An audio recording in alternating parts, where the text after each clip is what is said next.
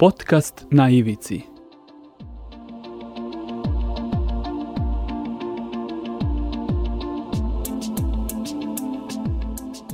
Na ivici. Pozdrav ljudi, posle priče o pticama koja je bila na neki način postavljena dosta široko i zapravo je naš odnos prema prirodi, ali i ljudima sagledala iz više aspekata. Pred nama je, po znacima navoda, još jedna prirodnjačka priča u podcastu na Ivici koji se emituje na portalu storyteller.rs. Pozdravljam docenta na departmanu za fitomedicinu i zaštitu životne sredine Poljoprivrednog fakulteta Univerziteta u Novom Sadu Miloša Petrovića. Hvala na odvojenom vremenu i na učešću u podcastu. Miroslave, pozdravljam ti i pozdravljam naravno tvoje slušalce. Drago mi je što si me pozvao da učestvujem u ovom jednom tvom zanimljivom podohvatu, da ne kažem projektu. I ja se iskreno nadam da će ova tema o kojoj pričamo zaintrigirati tvoje slušalce. Hvala na uvodnim rečima i hajde da krenemo od, od, od početka. E, da li je tema kojom se baviš, dotaći ćemo se e, detalja malo kasnije, ali da li je tema kojom se baviš, odnosno oblast kojom se baviš na ivici? Da li je ta tema na ivici zapravo moram da te razočaram, znam da se tvoj podcast zove tako, ali ta tema nije na ivici, ta tema je u nauci, naročito za naučnike koji se bave poljoprivredom, tehnologijom, biotehnologijom, nešto što je trenutno pod znacima navoda in, zato što se radi o alternativnim izvorima proteina, mi smo svi svedoci da alternativa u nekoj normalnoj ili da kažem ustaljenoj ishrani mora da postoji s obzirom da se svet suviše brzo menja. Hajde onda da otkrijemo zapravo usku oblast. Da, uska oblast, uska oblast se naziva jestivi insekti i u poslednje dve godine moram da priznam da je velikom broju ljudi ona postala interesantna, pre svega zato što su internet portali u poslednje vreme objavljivali velik broj vesti kao što su, na primer, Popac je ušao u ishranu, e, Evropska be, e, agencija za bezbednost hrane je stavila, recimo, domaćeg popca na listu jestivih insekata, to je bilo ove godine, prošle godine, e, brašnjeni crvi će se uskoro naći u svakodnevnom meniju i čoveka i tako dalje i tako dalje. I ta priča je zaintrigirala velik broj ljudi, pre svega oni koji su znatiženi, oni koji vole da probaju su kontaktirali nas sa poljoprivrednog fakulteta, ali mi nismo jedini koji se bavimo time, time se bave i e, prirodno-matematički fakultet, time se bavi Institut Biosens, time se bavi nekoliko ustanova u Beogradu, da im ispričamo o čemu se zapravo tu radi, jer e, kultura u Evropi je takva da insekti se uopšte ne smatraju hranom za ljude. Ono što je još interesantno i što još hoću da dodam je da su insekti negde, mogu da kažem na pametan način u toku poslednje decenije bili ponuđeni kao alternativa, ali ne za ljude, nego za kućne ljubimce.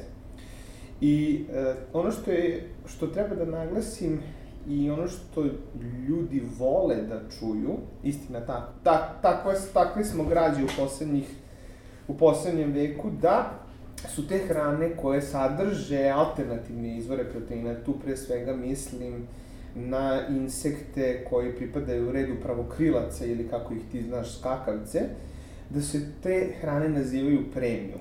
I negde su se ljudi na to, slobodno mogu da kažem, upecali, i e, na taj način su prvi put čuli da insekti mogu da menjaju neke proteinske komponente u hrane. Prvo su oni videli da recimo kod maca ta komponenta može da zameni, na primer, ulje tu, um, brašno tune ili brašno inčune ili brašno sardine, pa su kasnije čuli da i, i, e, psi koji teže vari neke teš, neka teška mesa, na primer jagnjeće, ovče i tako dalje, lakše vare insekte. I onda se 2017. i 18. pojavljuje vest da insekti zvanično ulaze na meniji kod ljudi.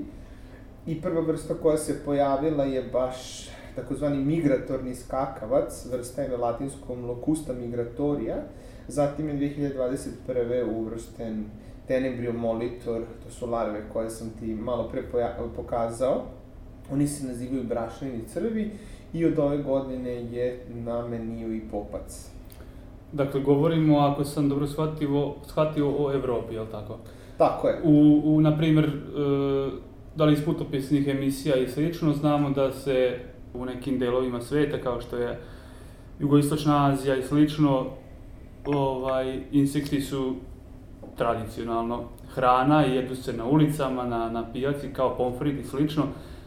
Pominješ taj kulturološki kod, koliko je zapravo Evropljanu, odnosno samim tim i nama u Srbiji, koliko je potrebno da se promeni razmišljanje da bi se zapravo ovo što se na neki način uvodi Postala za kalemilo, da, na kalemilo. na kalemilo, pa to je, to je dobro pitanje i to je pitanje svih koji razmišljaju negdje, da kažemo, i vide, vide svet kroz neku širu prizmu. Ono što je moje iskreno mišljenje je da, ja mislim da treba dve generacije, znači da naša deca umesto smokija grickaju insekte, pa da njihova deca umesto, ne znam, čipsa ili koje god grickaju insekte, da se ti insekti nađu na normalnom jelovniku. Tako da kroz tu moju pretpostavku negdje 2080. bi možda verovatno ljudi u Evropi mogli da krenu da jedu insekte.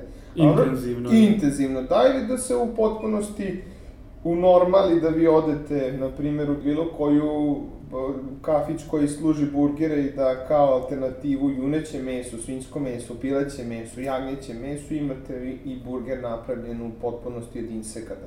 Što recimo u Švajcarskoj postoji. I ono što je inter, interesantno je da opet spominjem premium stvari, pa je taj burger 25% skuplji od junećeg, a znaš i sam da juneći mm -hmm. nije toliko skup. I ono što sam teo još da dodam, to što si rekao da je entomofagija zapravo u svetu normalna, ono što je nama kao evropljanima fascinantno je da dve milijarde ljudi svakodnevno konzumira insekte. To nisu samo ljudi iz Azije, koje mi negde prve asociramo na entomofagiju. Kada pogledate literaturu, što stručnu, što, što kao što si ti rekao, putopisnu i ljudi iz Južne Amerike konzumiraju jako velik broj insekata i smatraju ih zaista vrednim izvorom hranjivih materija. E sad ovako, svakodnevno slušamo o nestašici hrane u, buduć, u, u skorijoj budućnosti i o energetskoj krizi i tako dalje. E, I sami smo svedoci toga, vidimo kao praktično svakodnevno kako nas inflacija sačekuje iza ugla, kako su namirnice sve skuplje i skuplje. Da li je po tebi ova kriza i ovo što se dešava u društvu poslednje, eto, tri godine, računam i vreme pandemije koja i dalje traje, pa sada i rat u Ukrajini, na neki način i uvod u to da se sve više plasira meso iz laboratorije kao hrana ili genetski modifikovana hrana i slično. Pa za genetski modifikovanu hranu je malo malo priča, ako ćeš iskreno, po meni klizava, tako da bi ja nevešto ili vešto nju preskočio, mm -hmm. ali ovo što si, što si me pitao, e, ako gledamo sa aspekta Srbije, mi osim porasta cene nismo videli potrebu i dalje za alternativnim izvorima proteina, ali recimo kada pogledate Belgija, Nemačka, Holandija, Danska, u zagradi. Bogatije, bogatije države su negde podržale velik broj start-up kompanije ili ti start-up firmi koji se bave baš proizvodnjom tih, uh, tih šnicli iz laboratorije, kako se one nazivaju.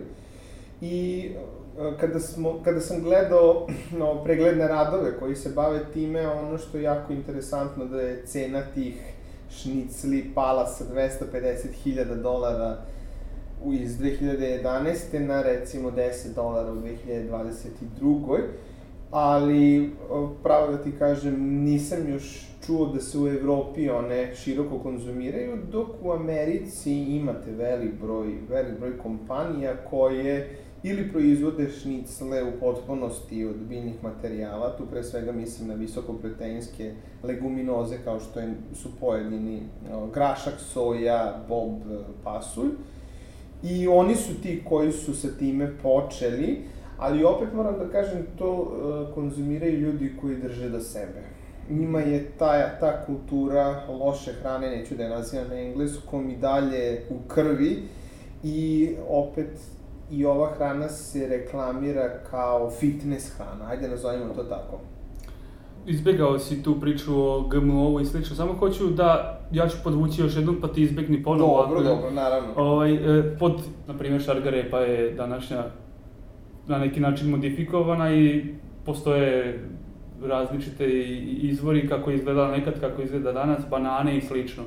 Da, on, ono, što, ono što sam sad htio da dodam, da ti m, hoćeš da kažeš da je to modifikovana hrana, ali kada se kaže genetski modifikovana hrana, to je hrana koja je negde uvek na margini i uvek kada se spomene ta reč e, genetski modifikovani organizmi, ljudi se trgnu.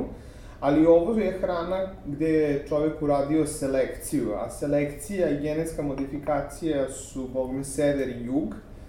I ono što moram da kažem da su te biljke koje su selekcijom dobijene, zapravo dobijene ne bi li se dobio dobar prinos, ne bi li se dobile biljke otporne na različite patogene ili štetne organizme, biljke otporne na sve nezgodnije klimatske uslove i to je nauka koja leži u biotehnologiji. To je ono čime se mi, ajde da kažem, dičimo ali genetski modifikovani organizmi kao što si spomenuo soja i pre svega kukuruz su biljke koje su napravljene ne bi li njihova proizvodnja bila znatno olakšana.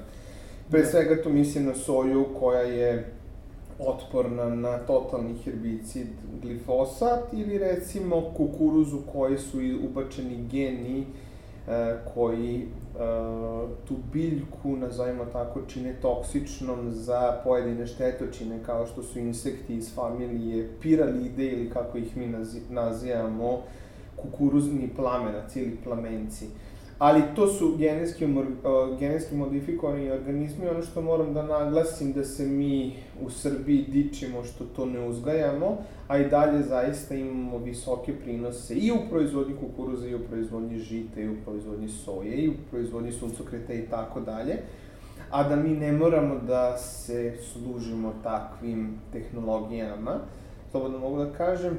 S druge strane, u odnosu na Amerikanci, u odnosu na Južnoamerikance, mi nemamo parcele koje su velike od Kaća do Zemuna i od Zemuna do Kaća, znači radi se o hiljadama, hiljadama, hiljadama hektara. Mi imamo velike proizvođače, ali to su proizvođači koji u nekoliko komada recimo rade 8, 9, 10, pa ide i do 25.000 hektara, ali i dalje oni ne moraju i ne smeju, naravno, da uzgajaju tu genetski modifikovanu hranu. S druge strane, selekcija je nešto što je što je uvedeno, ne bi li se i ona trkala sa brzom, slobodno možemo da kažemo, savremenom evolucijom čoveka. Hvala ti što si e, ovako ovo pedantno objasnio. Zapravo, i, i, mogu li zaštita životne sredine i poljoprivreda da idu ruku pod ruku? Da, naravno. Mi to nazivamo dobra poljoprivredna praksa i to je nešto što mi na ovom fakultetu, na svim smerovima, ne samo na fitomedicini gde ja radim, učimo studente Zašto to kažem? Zato što i ljudi koji rade u voćarstvu su u jednom momentu došli u kontakt sa nekom vrstom pesticida, da li u svom svakodnevnom poslu ili u nekim ekskluzivni, da ne kažem ekstremnim, ekstremnim situacijama, ali naravno da mogu i to je če, ono čemu se i mi, mi težimo, a slobodno mogu da kažem da i svi o, propratni, ajde da tako nazovem, činioci u samom agrobiznisu se trude. Kada sam ja počeo da radim, recimo, doze koje su se primenjivali u tadašnjim generacijama pesticida, prevazilazule su po nekoliko litara, na primer, fungicida ili insekticida. Danas kada pogledate aktuelnu ponudu, jeste značajno skuplja, ali su i doze primene mnogostruko manje. To je jedan od aspekata. S druge strane, ja ostajem u kontaktu sa, sa bivšim studentima koji su sve više kao novi agronomi angažovani u novim poslovima, tako da je recimo jedan kolega nedavno objavio da njegova firma se aktivno bavi sakupljanjem ambalaže koja ostaje posle tretmana u poljoprivredi, bilo da je to ratarstvo, voćarstvo, povrtarstvo, proizvodnja ukrasnog bilja i tako dalje, da se oni bave i na siguran, bave prikupljanjem i na siguran način recikliraju. I to je ono što moram da kažem da ja tu našu poljoprivredu i opšte proizvodnju hrane ne gledam kao da je crna ovca kako je ljudi, ljudi predstavljaju. Možda sam ja malo romantičan, nema veze, ali ja volim svoj posao, volim svoj poziv i osim, ajde, da, tih a, alternativnih izvora proteina ili ti jestivih insekata drugih oblasti u poljoprivrede koje mene zanimaju, pa je tako i ta praktična zaštita bilja, pre svega voćaka i vinove loze.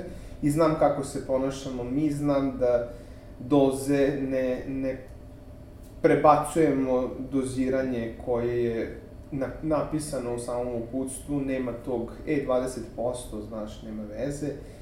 Tako da, što se tiče toga, ja mislim da, da može i da će ta slika biti sve bolja i bolja. Da li je zapravo možda u tome ključ? Pomenuo si mlade kolege, bivše studente vašeg fakulteta, ljudi koji e, se, da li danas, da li će se u skorije vreme uključiti aktivno u poljoprivrednu proizvodnju, da li je u njima ključ? Možda postoji neki jaz od dve, tri generacije ljudi koji su na volovima orali, ne znam, čupali, ručno plevili, kako već, i e, današnjih e, ljudi mladih koji su svesni potreba prirode sa jedne strane i zaštite životne sredine, a sa druge strane izazova koje donosi savremeno vreme, e, sve veća proizvodnja i slično? Pa, pravo da ti kažem, ovo je dobro pitanje, ali po meni ti ljudi e, koje, hajde, koji su recimo godina kao naši roditelji, što znači od 50 do 60, iako ti misliš da su, iako možda ti imaš osjećaj da su oni analogni, Oni su, tu, oni su ti koji su u ovom svetu meni fascinantni. Zašto? Zato što su to ljudi koji su jako brzo naučili da vladaju novim tehnologijama, neka svoja praktična znanja pretočili u digitalno i oni po meni uopšte nisu, nisu u raskoraku. Tu pre svega mislim na jako velik broj agronoma koji, slobodno mogu da kažem, mentorišu te mlade I nema veze ako, ako nešto, recimo, digitalno ne funkcioniše, ne znaju da postave tweet ili ne znaju da postave post na Instagramu i čega god, to su ljudi koji dva, tri puta im pokažete i oni vide, ali ono što je njihova baza znanja je više godišnje, više decenijsko iskustvo. Tako da ja pravo da ti kažem, nemam taj osjećaj da su oni u raskoraku i zaista oni su e, po meni jedna riznica znanja šta je interesantno? Interesantno je da su to ljudi koji su gledali, recimo, poljoprivredu 80. do 2022. Poljoprivreda je tada promenila, svaka oblast poljoprivrede je promenila problematiku i oni su se svime jako, jako dobro trku vodili i često su pobeđivali. Pre svega, da li u metodama zaštite bilja, da li u metodama biološke zaštite, ta, i tako dalje, i tako dalje, tako da ja sam ponosan što pripadam branši inženjera koji nisu pregaženi od strane vremena, čak i ako imaju 70 godina. Pričamo pre svega o hrani i proizvodnji hrane. E, može li se tu na neki način govoriti da su korporacije ili, hajde da nazovem ljudi, cinični? Iz razloga što govor, go, govorimo o tome da e, nema dovoljno hrane, da će biti nestašice i slično, sa druge strane, isto tako svedočimo tome da se e, enormne količine hrane bacaju, zato što se, prosto se pokvare. Da li u supermarketima, da li u restoranima, a na drugoj strani postoje delovi na planeti gde ljudi bukvalno umiru od gladi. Pa to je, to jeste ciničnost i to jeste, uh, jeste tako i kod nas, ali ja mislim da je u Srbiji taj stepen, nazovimo ga, bacanja hrane daleko manji nego u nekim razvijenim državama. Tako, na primer, pre neki dan sam e, baš u politici pročitao da godišnje jedna porodica od četvoročlana baci 40.000 dinara hrane, što je puno. Ali kad preračunate u evre, to je 350 evra, a onda kada pogledate u vestima u Nemačkoj, Austrijanac baci 780, Nemac baci 1100, a Englezi dolazimo do nekoliko hiljada funti s obzirom da, da su oni ljudi koji su navikli da kupuju jako velike količine hrane i količine hrane koja im ne treba. A što se tiče, što se tiče same nestašice hrane, pa pravo da ti kažem, ja nisam osetio to i dalje na svojoj koži.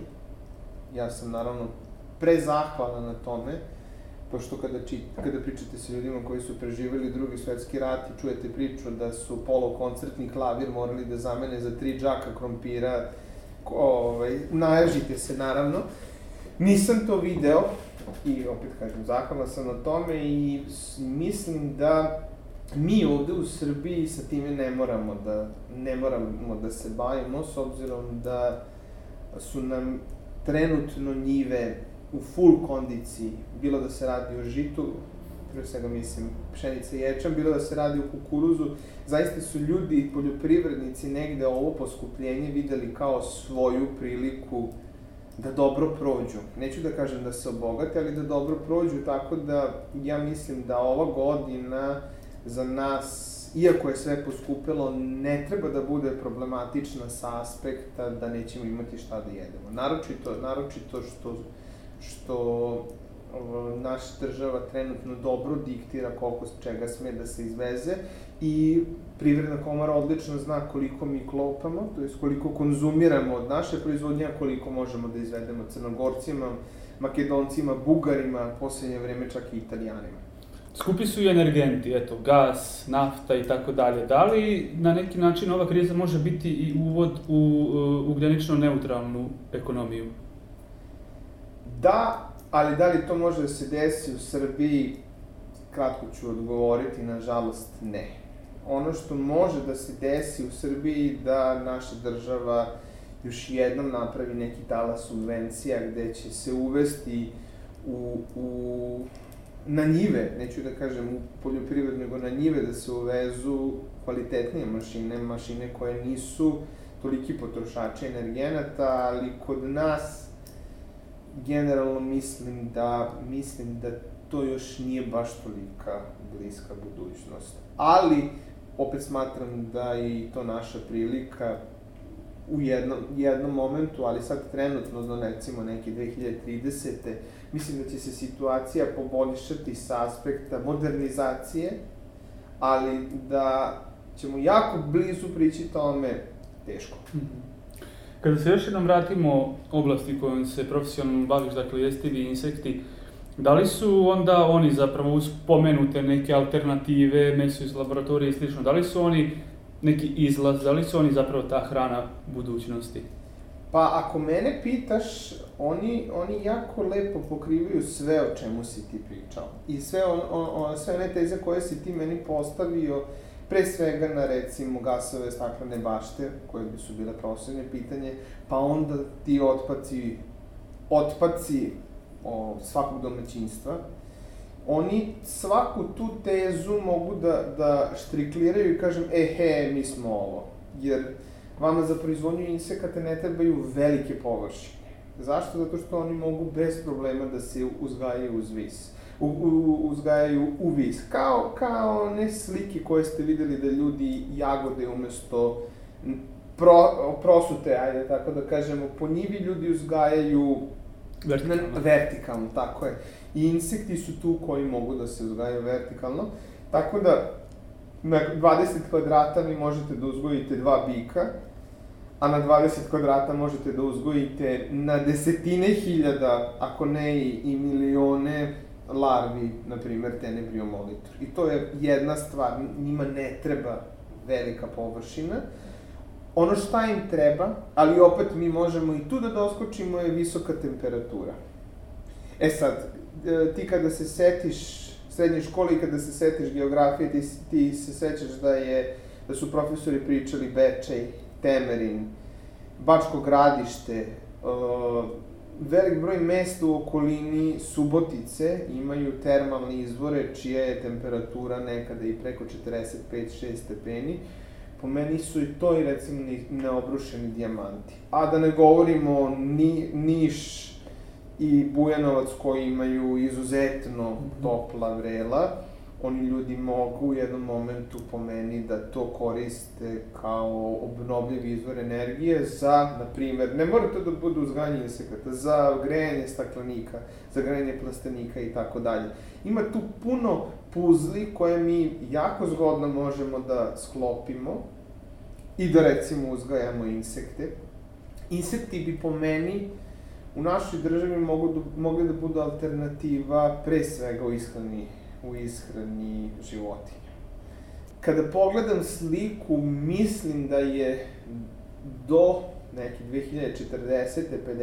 50. insekti imaju jako dobro prođu kao alternativu ishrani životinja, a u jednom momentu ja verujem da će se stvoriti neka grupa, da li manje ili veće ljudi koji će početi njih da, da konzumiraju, ne mora da to bude stalno, može da bude povremeno, ne jedemo ni pistaće stalno, ne jedemo ni uh, ne znam, tunjevinu stalno, ali recimo umesto onog intenziteta koliko jedemo tunjevinu, možemo da jedemo insekte i ja verujem da će se stvoriti jedna grupa ljudi koja će to da radi. Ako se naviknemo. A, ako se naviknemo. Vraćam se na taj kulturološki kod, pa ću pokušati dve, dva pitanja da obuhvatim jednim. E, vraćam se na Evropu koja je većinom da kažem hrišćanska, znamo da u Bibliji stoji da su, ne znam, velike pošasti izazvali insekti i tako. Da li u tome isto leži ključ problema, da kažem, za, za rešavanje, da bi ljudi to prihvatili baš to, dakle, da se e, e, gleda ka jeste insektima kao alternativi, a druga stvar, da li može e, njihovo uzgajanje da se otme kontroli, pa da nas zaista, ne znam, najezda skakavaca počisti? Aha, E pa sad, ono što si postavio drugo, a, moram da prokomentarišem da, da ovi vrste koje se uzgajaju kao jesteve su svakako stanovnici Evrope. To nisu, to nisu vrste koje su recimo uvezene iz Australije, iz Perua, Ekvadora, čega god. To su, to su vrste koje postoje u Evropi od kad je čoveka. I mi njih samo na neki način kultivišemo, ne bi li ih na zgodan način umnožili, ali one, njih i da pustimo u prirodu, on, mogle bi da naprave problem, ali one svakako tu postoje i svakako pravi problem. Vrsta Tenebrio molitor je vrsta koju mi na ovom fakultetu već 70 godina predajemo kao vrsta koja se pojavljuje kao štetečina u skladištu. Aheta domestika ili Grilus domesticus, kako se zove domaći popac, i on je taj koji je svake godine prisutan i svake godine ga slušamo i u, i u suncokretu i u pšenici, tamo može da napravi štete, naročito u, u početnim fenofazama razvića tih biljaka, pre svega mislim na okopavine, znači suncokret i soju, a s druge strane lokusta migratorija, migratorni skakavac u, u Novom Sadu je ona postojala kad je moj deda bio klinac, što znači 40. godina, kada je Novi Sad i okolina izgledala kao polumočvara. I one su bili standardi stanovnici ili ti standardni članovi te entomofaune. Mm -hmm. Bližimo se kraju polako, pa ću iskoristiti ovu, ovu priliku da te pitam i ovo možda je naivno pitanje, ali nema veze, pitaću. Ovaj, mogu li se ti jesti insekti uzgajati kao pilići, goveda, svinje, pa da, na primer, bude buba od pola kilograma ili, ili je to neka naučna fantastika? Ne, to je naučna fantastika. Uh, vrste koje uzgajamo ne mogu da budu tako gigantske i ja mislim da je najteža larva koju su ljudi merili negde od 120 grama, to su, to su insekti koji pripadaju familiji strižibuba, ne mogu tačno se setim latinskog naziva je tog insekta, ali to je opet insekt koji je pronađen u, ja mislim, Paragoju, da su tamo našli mm -hmm. toliko tešku larvu, ove naše larve, evo ovde imam e, rezultate jednog, jednog naučnog rada, recimo, prosječna težina 100 larvi koje su stare 75 dana, govorim o vrsti Tenebrio molitor, je negde oko 9,5, 10, 11 grama. To je 100 larvi. Ali ono što tebe interesuje, verovatno je od koliko tih insekata mi možemo da se najedemo. ono što je važno naglasiti da ti i ja sad odemo da naručimo neku jagnjetinu, mi bi kilu i po jagnjetine pojeli bez ikakvih problema. Tak, takvi su nam apetiti, a da jedemo te naše insekte, ja mislim da bi se sa 400 grama insekata već zadovoljili. I onaj, i ono što ti insekti sa tog aspekta hranljivosti ili sitosti podsjećaju su morski plodovi. Ja verujem da, će, da su tvoji slušalci u jednom momentu probali ili ostrige ili dagnje, i, ili škampe u krajnjem slučaju i oni svi znaju da tih škampa baš ne možeš da se predeš u prevodu da uzmeš kilu u bilo kojem super supermarketu i da se predeš toga, to se jede 100, 200, 250 grama maksimalno i ti osjećaš da si sit. Ovde je ista situacija, tako da su moje kolege sa departmana za animalnu proizvodnju ili ti stočarstvo uradili jedan ogled i u, po kome su dobili da je 1 kilogram dovoljan za tri prosečna čoveka. Znači, 1 kilogram kada se stavi u kalorijsku bombu, bagme dobije se oko 7000 kalorija, a ti znaš da je tebi koji imaš 85 kila dovoljno recimo 2300, 400, eventualno 500 ako nešto baš fizički radiš jako. Pretpostavljam da ovo ne govoriš na pamet, nego da i konzumiraš, da li povremeno, da li češće, da li ređe, Pa, jestive bube, naj, najčešće ih konzumiramo kada pripremamo neke oglede, uh, s obzirom da pre hemijske analize oni moraju termički da budu obrađeni, mi ih kod mene na departmanu skuvamo, ili kako se to Pa jedete kaže, sup. blanširane. Ne, jedemo ih kuvane. A poslednje što sam jeo je bilo pre par nedelja, jeo sam ih pečene u rerni. I zaista je taj ukus nešto što bi te iznenadilo. Sada da ti zatvorim oči i da ti dam te moje insekte, garantujem ti da ne bi znao šta jedeš. Teksturom podsjećaju na čvarke, a ukusom podsjećaju na orašaste plodove. Negde je to kombinacija indijskog i brazilskog oraha. I stvarno, kada bi probao, veruj mi, sigurno bi te Eto, podsjećao. trčimo sad da Ne, ne, mora, ne morate da, trčim, da trčite, naravno, ali ukus je ono što ljudi iznenadi. Znači, negde, uh, obično ljudi kada misle insektima, misle da su oni sluzavi, da su oni jako brzi, da... Sa onim antenicama. Da, da, da. da. Pr prvo što pitam je kako ti očekuješ da kada pipneš insekta, kakav, kakav odgovor, ajde tako da kažem, očekuješ. I ljudi misle da su oni sluzavi nalik na puževe golaće, na primer.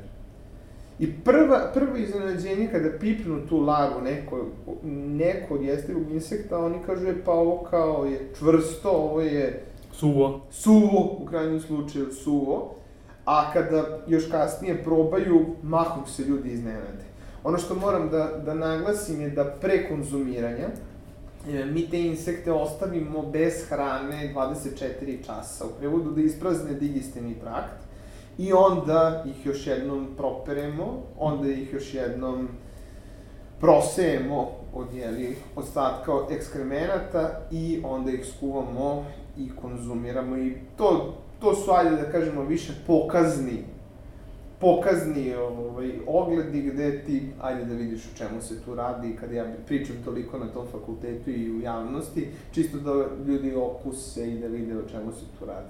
I ono što moram da kažem je da, da velik broj ljudi hoće da proba. Kao, pa hajde.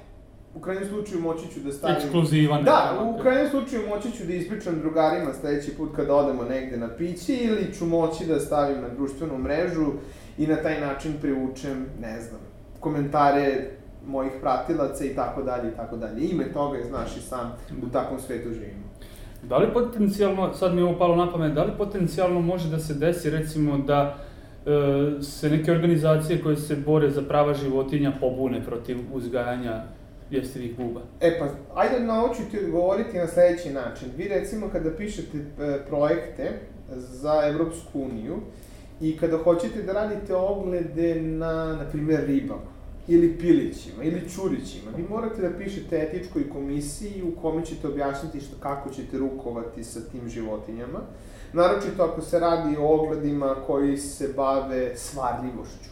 Pa, na primjer, ti moraš da disekuješ nekog šarančića, ne bi li izvadio sve iz debelog creva, sad da ne detaljišem. Kod insekata se to ne radi iz jednog prostog razloga što su insekti organizmi koji dalje se smatraju da ne osete bol.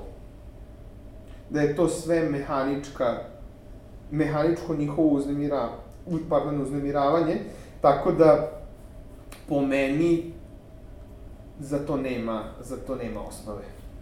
I to je super, bar ako mene pitate. E, stigli smo polako i do kraja ovaj, e, razgovora današnjeg. Eto i za kraj možda da zaključimo sa isto jednim pitanjem. Da li onda, kada pogledamo u budućnost, bližu, dalju, e, u kontekstu hrane i snabdevenosti, namirnica i tako dalje, da li nečega treba da se plašimo po, po tebi?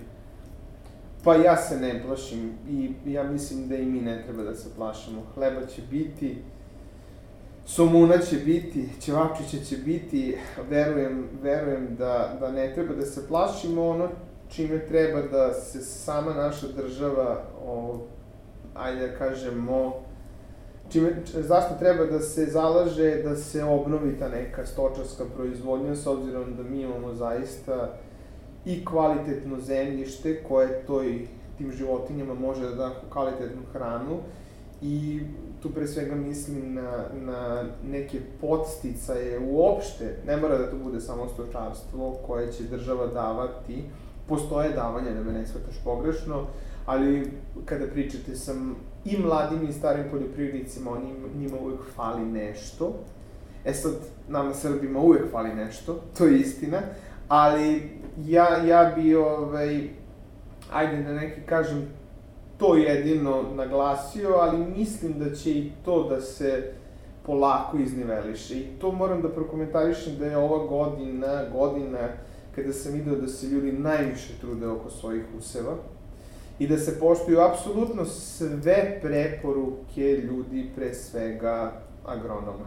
Zašto? Zato što znaju da će u jednom momentu jako dobro da naplate svoj trud. Ove godine postoji, postoje ovaj, prognoze da će žito da košta posle žetve 35 euro centi, što je... A na kraju krajeva mnogo su i uložili. U mnogo su i uložili. Urea košta duplo više, MAP košta duplo više, to, je, to, je, to su džubriva, pesticidi su poskupili u Repromaterijal sam. 25% repromaterijale poskupeo, sve je poskupilo naravno, ali ove godine klima je, nas je koliko toliko poslužila, bar što se tiče žetarica, sada, da. bar što se tiče žetarica, ne znamo šta će nam jul dole, doneti, a u julu se najčešće lomi prinos da. kukuruza i soje.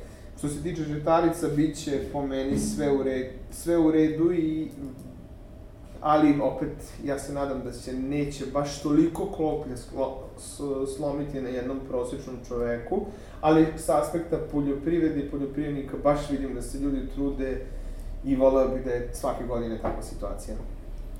Eto, sa, sa ovom porukom bismo mogli da završimo današnju epizodu e, podcasta na Ivici. Miloše, e, hvala ti na učešću i hvala ti na odvojenom vremenu i na tome što si na ovako lep način prezentovao zapravo i oblast kojom se baviš, ali i, i, i celokupnu, rekao bih, poljoprivrednu proizvodnju pre svega u našoj zemlji.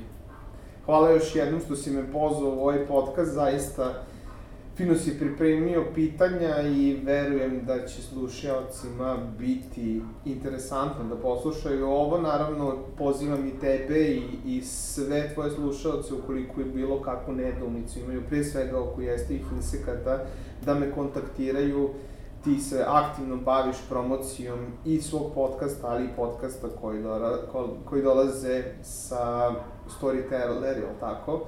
Tako da ukoliko imate bilo kakva pitanja, slobodno od Miroslava tražite moj kontakt, ja ću vam vrlo rado odgovoriti, s obzirom da je tema aktuelna i da je velik broj ljudi znatiželjen.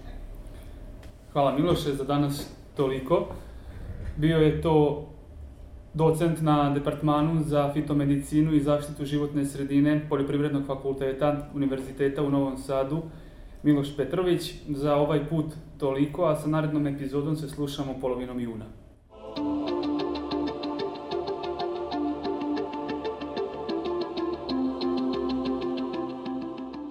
Podcast na ivici.